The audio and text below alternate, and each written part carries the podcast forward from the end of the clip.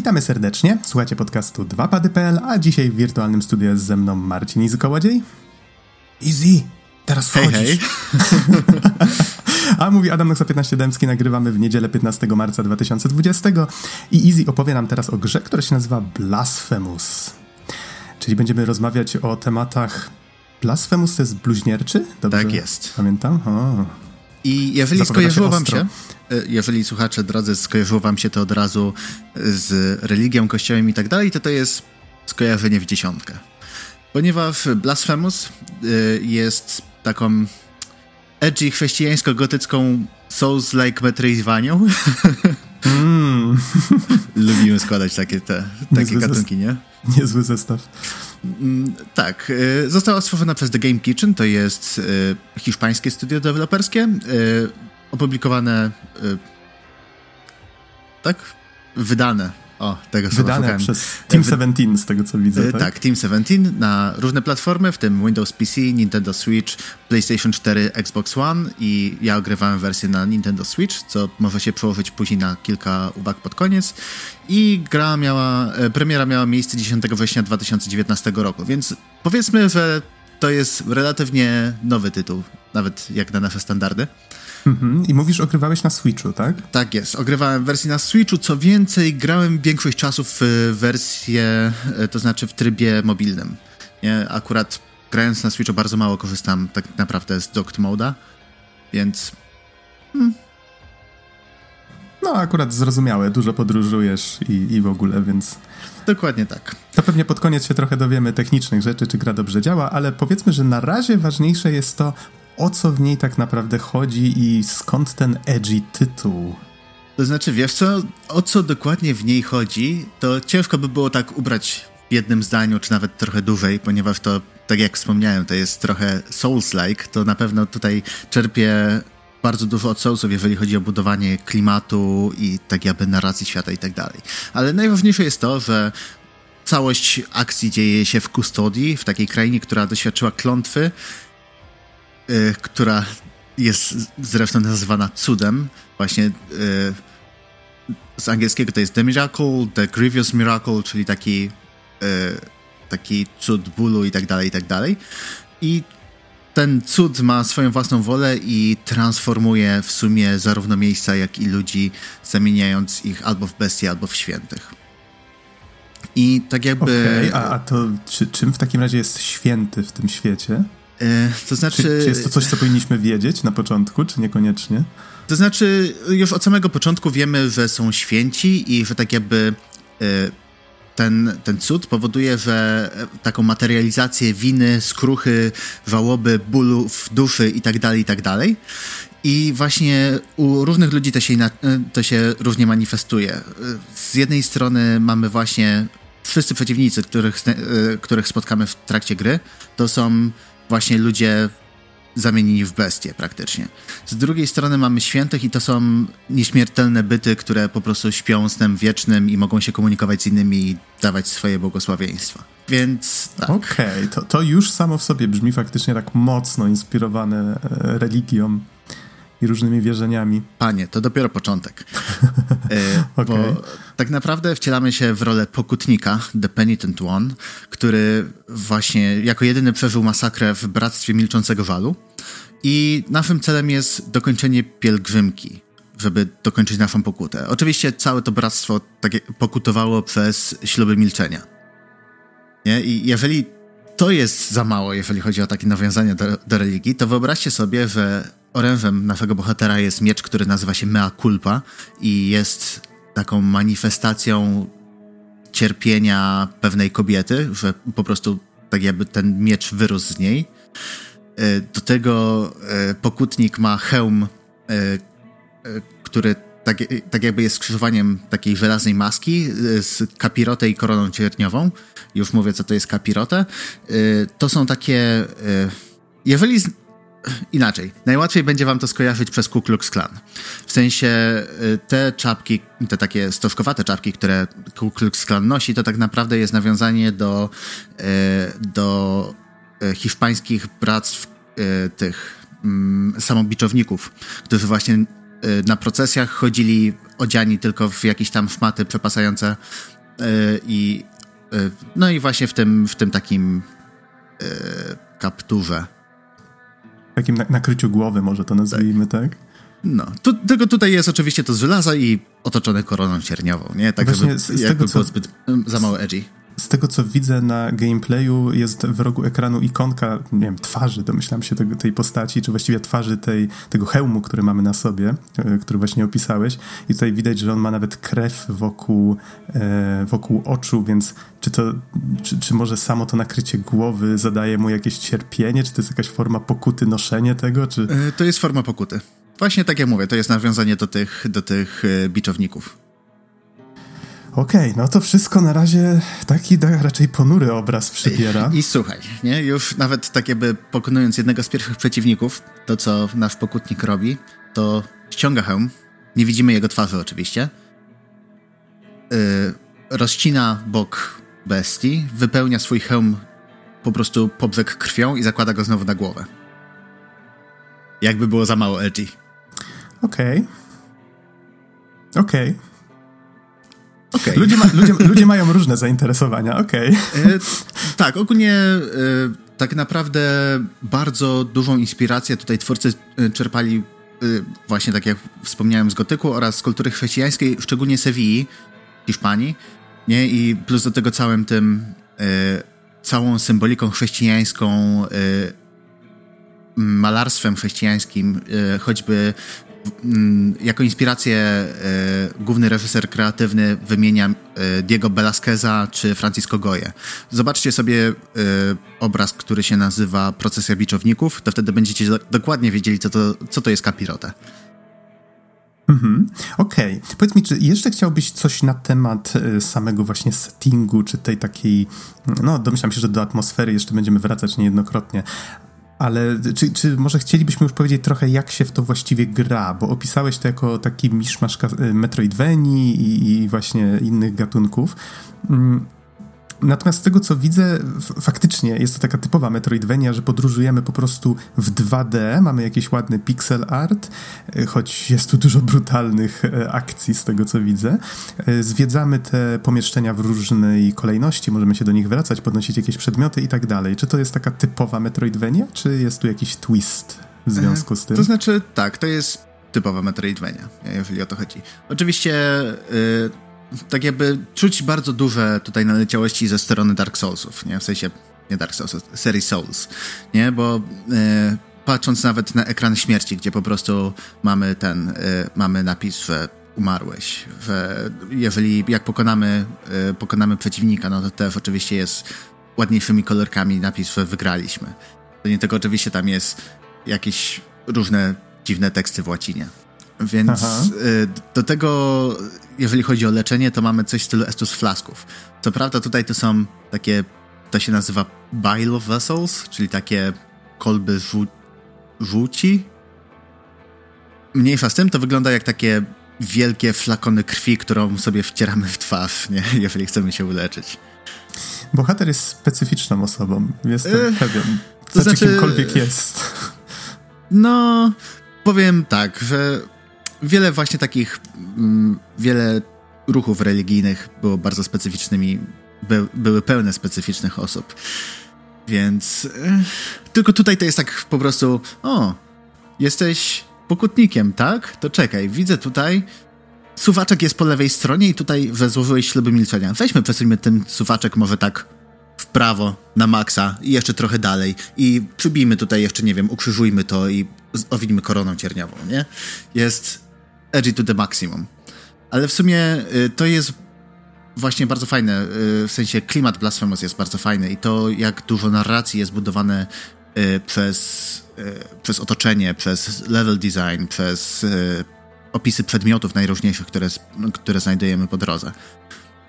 Więc właśnie tak jakby w tym aspekcie to nie jest typowa Metroidvania, ale jeżeli chodzi o resztę mechanik, to jest no, dosyć klasyczna, nie? W sensie, to jak się leczymy, to oczywiście zatrzymujemy się w miejscu i się wystawiamy na ciosy.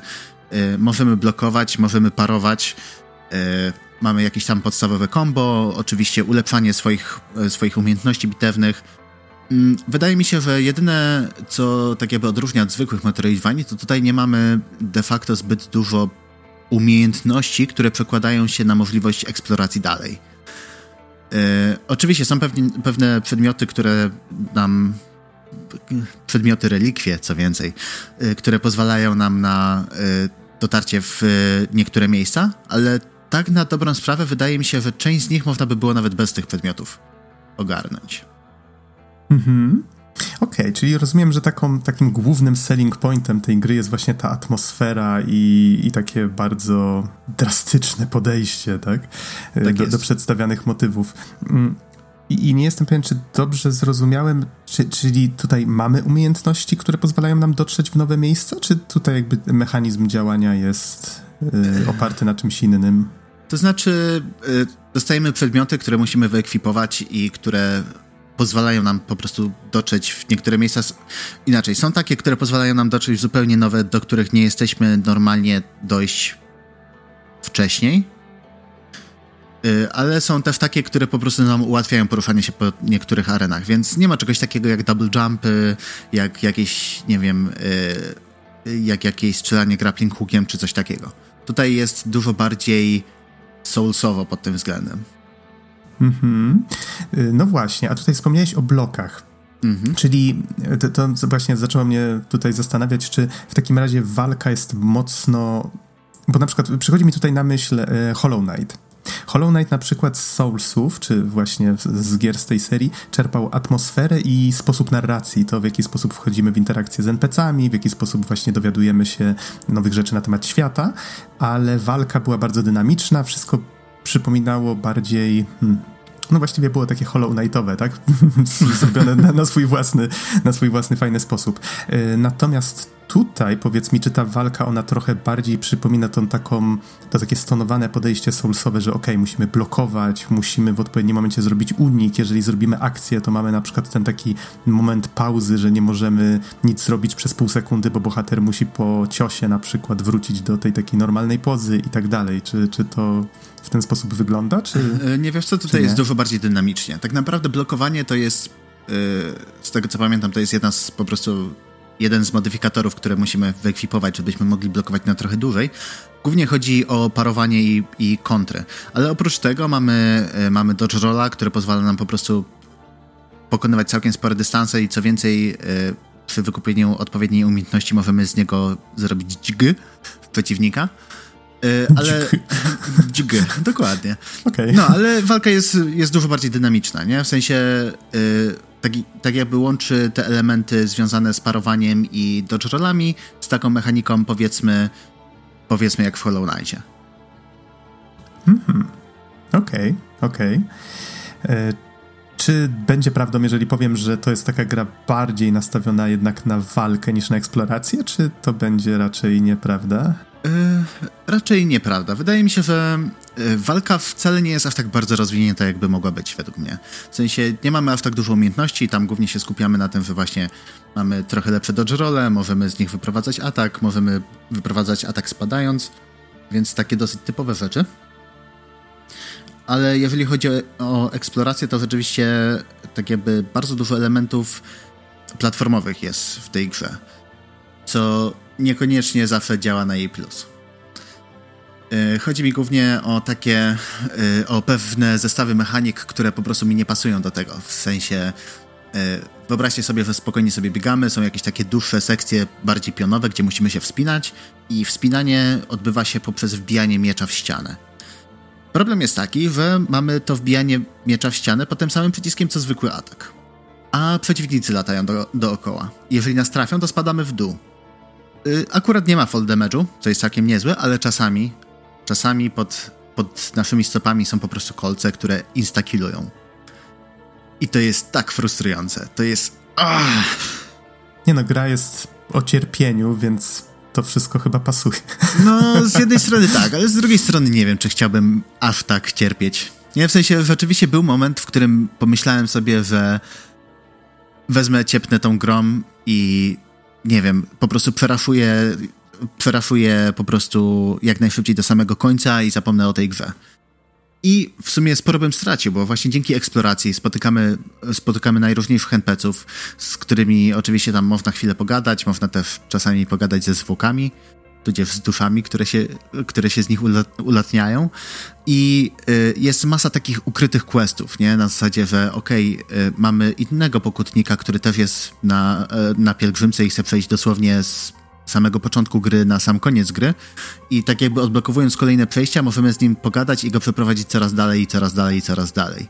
I takich questów jest naprawdę całkiem sporo. I jest trochę zbierania, jest czasami trochę myślenia, co ogarnąć i gdzie, żeby ten, żeby, żeby po prostu spełnić, yy, spełnić te wytyczne, których oczywiście nigdzie nie mamy spisanych, bo po co, bo cierp, pamiętaj.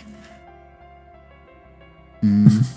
A powiedz mi, yy nie, nie, pamiętam, czy o tym wspominałeś, zdobywamy tutaj jakieś rzeczy, które powiedzmy ulepszają naszą postać, czy podobnie jak w Soulsach jakieś zasoby mamy, które tracimy po śmierci? Jak to to wygląda w tym yy, przypadku? To znaczy tak, wracając właśnie na chwilę jeszcze do walki, to oprócz takiego zwykłego zestawu, gdzie mamy, mamy jakieś combo, jakiś przewrot i tak dalej, mamy jeszcze umiejętności magiczne, które zdobywamy podczas eksploracji. Niektóre są z questów, niektóre są ze skrzynek i tutaj są oczywiście nazwane psalmami.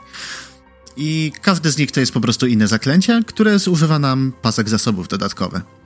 I w momencie śmierci, yy, tak jakby jesteśmy grzeszni i to jest nasza wina mea culpa, yy, i tak, która tak jakby ta wina zjada nasz pasek zasobów, więc musimy wrócić do, do miejsca, w którym umarliśmy, żeby po prostu odzyskać manę do końca. Ewentualnie są jeszcze później kapliczki, do, z którymi można zagadać, które po prostu usuwają za, za hajsiory, co w sumie jest dobrą metaforą kościoła. Hmm? No, odkupywanie grzechów za pieniądze, no. No, kiedyś coś takiego istniało w kościele chrześcijańskim, z tego tak. co pamiętam. I skoro jesteśmy przy odkupywaniu e, grzechów za pieniądze, to tutaj jedną z głównych klas znajdziek są relikwie. W sensie dosłownie mamy fragmenty najróżniejszych świętych, do tego jeszcze oczywiście masa, masa co się z nimi działo, w jakich okolicznościach i tak dalej, i tak dalej. I tego jest multum. Jest jest naprawdę bardzo dużo. Szczerze mówiąc, nawet nie sprawdzałem, co się dzieje po znalezieniu wszystkich. Ja chyba znalazłem coś koło 90%. No. Yy, oprócz... A jeszcze raz, do czego służą te relikwie? To jest tylko jakaś znajdźka, czy coś więcej? To znaczy, wiem tylko, że jak je zbieramy, to w pewnym momencie pojawia się pomieszczenie, gdzie możemy je przechowywać. Ale nie, nie mam pojęcia, co się dzieje, jak znajdziemy wszystko. A, to, to jest właśnie jedna z tych rzeczy, które zawsze tak przyczepiają się mi do głowy i, i, gdzieś tam siedzą z tyłu. A może byś tak spróbował zebrać wszystkie? Patrz, jest fajne pomieszczenie. Na pewno coś się stanie, jak znajdziesz wszystkie. My precious. Na pewno po zebraniu tych 999 koroksidów dostaniesz coś fajnego, a nie czapkę, która wygląda jak kupa. Do czego to nawiązanie? E, Legends of Zelda Breath of the Wild. Jak zbierzesz właśnie tam te, tą ilość koroksidów, to dostajesz złotą kupę na głowę. Eee? Tak, ale wracając. Yy, oprócz relikwii yy, i jakichś tam przedmiotów, które możemy oczywiście dawać NPC-om i tak dalej, yy, mamy właśnie psalmy, które modyfikują nam rozgrywkę oraz jeszcze serca, które tak jakby wrzucamy do miecza i które zmieniają własność broni. Na przykład y, zadajemy większe obrażenia, ale przez to mamy y, dużo, y, dużo ciaśniejszy ten dużo ciaśniejsze okienko na, y, na parę. Nie? Albo na przykład y, zadajemy mniej obrażeń, y, ale za to jesteśmy bardziej wytrzymali i do tego jak atakujemy przeciwników, to się leczymy. W sensie takie po prostu różne, różne modyfikatory do w sumie głównie ataków podstawowych, które wpływają po, po, prostu na to, jak podchodzimy do pewnych, do pewnych wyzwań w trakcie gry. Osobiście nie korzystałem z żadnego. Jakoś tak, nie wiem, dosyć, dosyć vanilla run to był bym powiedział. Mhm. Okej, okay, czyli wspominałeś o tym, że mamy walkę, mamy elementy platformowe. Wspomniałeś, że te elementy platformowe potrafią być bardzo frustrujące. Mhm. Są różne mechanizmy, które opisałeś, właśnie te znajdowania różnych rzeczy, yy, czy, czy rozwoju postaci właśnie poprzez to. Mm, o czym y- jeszcze tutaj można by dodać? Chciałbym wspomnieć, że sterowanie jest naprawdę fajne. W Aha. sensie jest takie responsywne, takie, że czujesz, że po prostu to, co przyciskasz, to, co, to się dzieje na ekranie.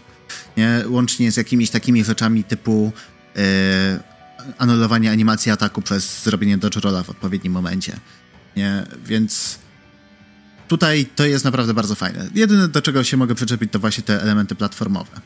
I tutaj też yy, oprócz zwykłych przeciwników mamy, mamy całkiem sporych bossów, których jest kilku i którzy wymagają od nas naprawdę naprawdę postarania się. W sensie to yy, część z nich naprawdę nie jest prosta, musimy tam odpowiednio wyczaić po prostu akcję. Yy, nawet jeden z bossów trochę mi przypominał walkę z tym yy, z ostatnim, ostatnim bossem Hollow Knighta. No, tutaj nie będziemy oczywiście opisywać zbyt dokładnie, natomiast e, żeby nie spoilować, nie psuć niespodzianki. E, dużo no, skakania i precyz precyzyjnego bicia po czułych punktach. Okej, okay. no tak, to, to wystarczająco ogólnikowy opis. Natomiast e, dodać muszę, że zobaczyłem sobie zwiastun w całości, no już jakiś czas temu, bo faktycznie miałem tę grę na radarze, ale nie miałem okazji jeszcze w nią zagrać. I y, sam design przeciwników czy bossów jest disturbing, jakby to można, taki niepokojący, niepokojący. taki mhm. obrzydliwy może nawet miejscami. Momentami Je tak. Jeden z bossów przypomina, wie, znaczy jest właściwie wielkim niemowlęciem trzymanym przez jakąś istotę, której do końca nie widzimy, bo nie mieści się na ekranie. To niemowlę jest tak wielkie, że jest w stanie chwycić naszą postać rękoma, a następnie jak taką szmacianą laleczkę powyrywać nam wszystkie kończyny.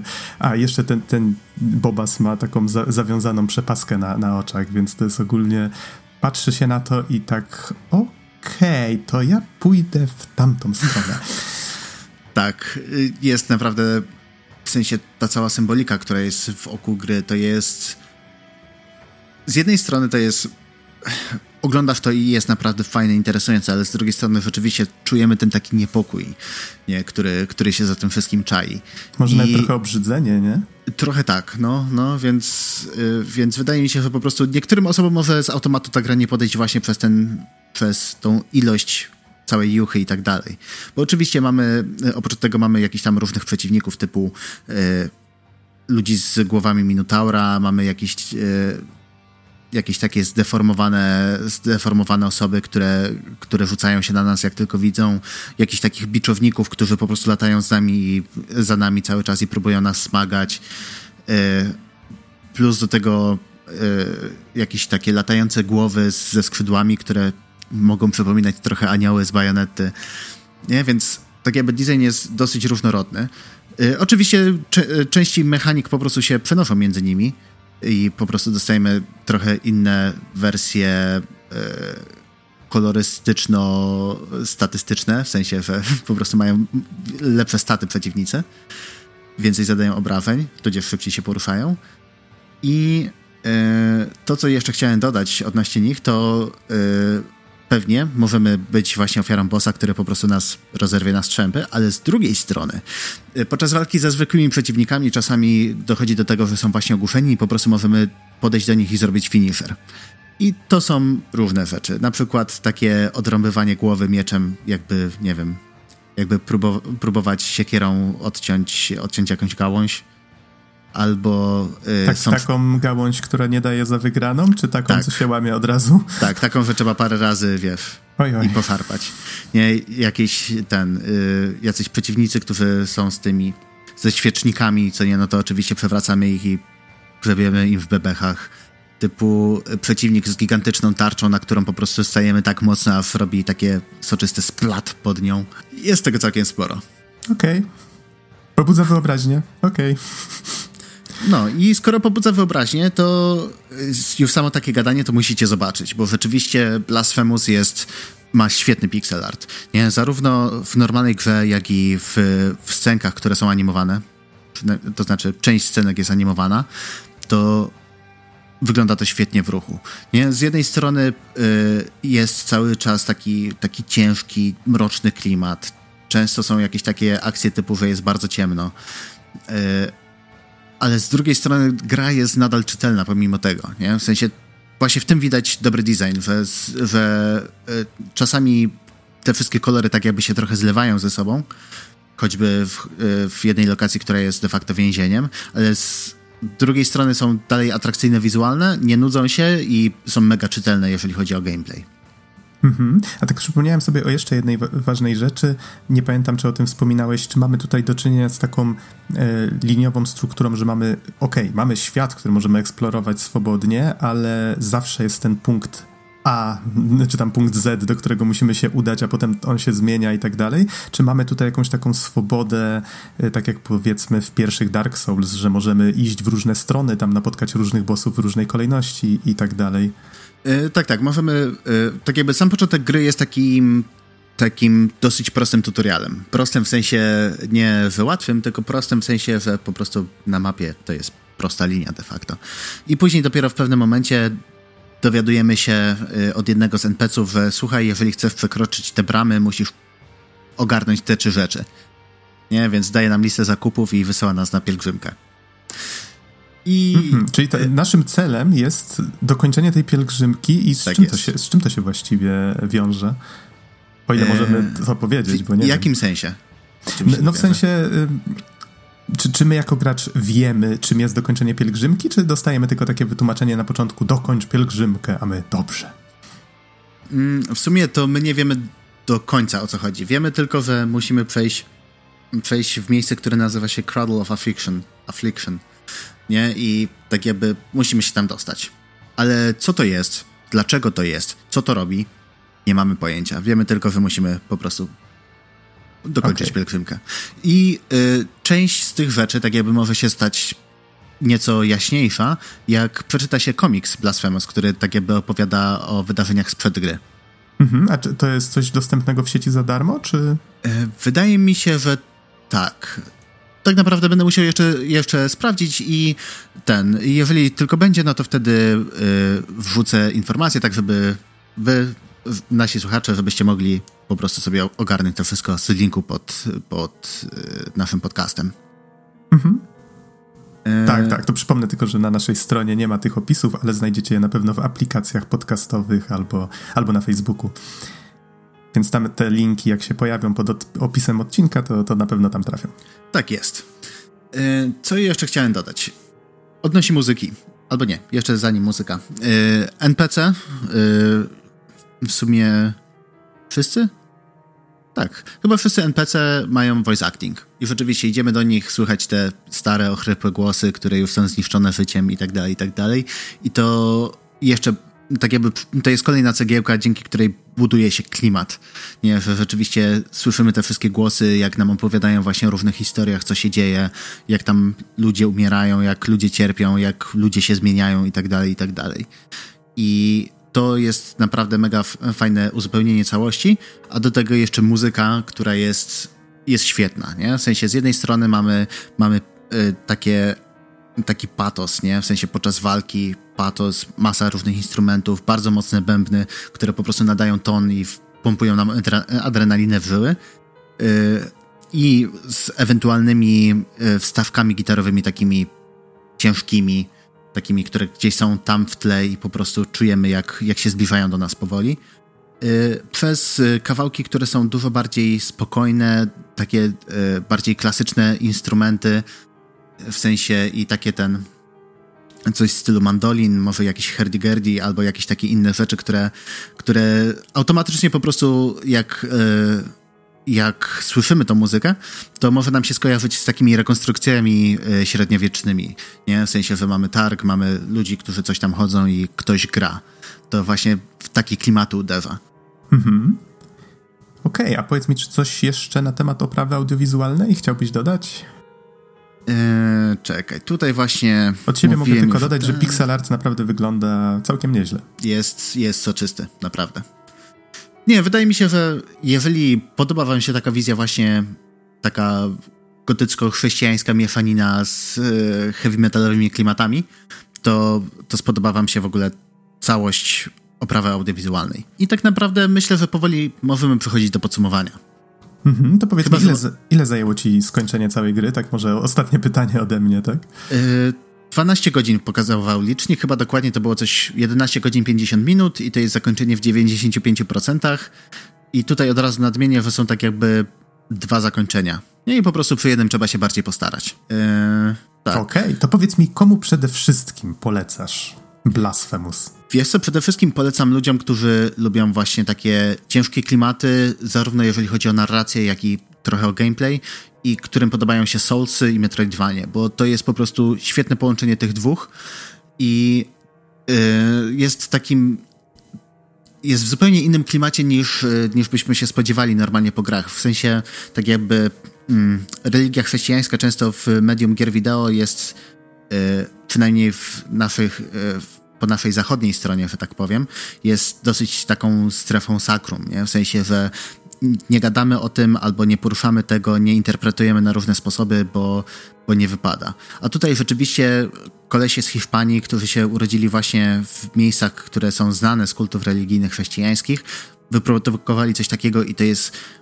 naprawdę taka, taka perełka, jeżeli chodzi właśnie o, o połączenie, zmieszanie ze sobą różnych klimatów i tak jakby zachowanie cały czas żeby wszystko po prostu współgrało ze sobą. Zarówno narracja, jak i oprawa, jak i, jak i gameplay. Więc jeżeli takie klimaty wam pasują, to jak najbardziej po prostu chwytajcie. Yy, oczywiście momentami tam byłem sfrustrowany i byłem gotowy ciepnąć grą po prostu w kąt, ale tutaj podziękowania dla Jojo, który mnie trochę pokier pokierował w, w dobrym kierunku i wziąłem, skończyłem z tym lepszym zakończeniem.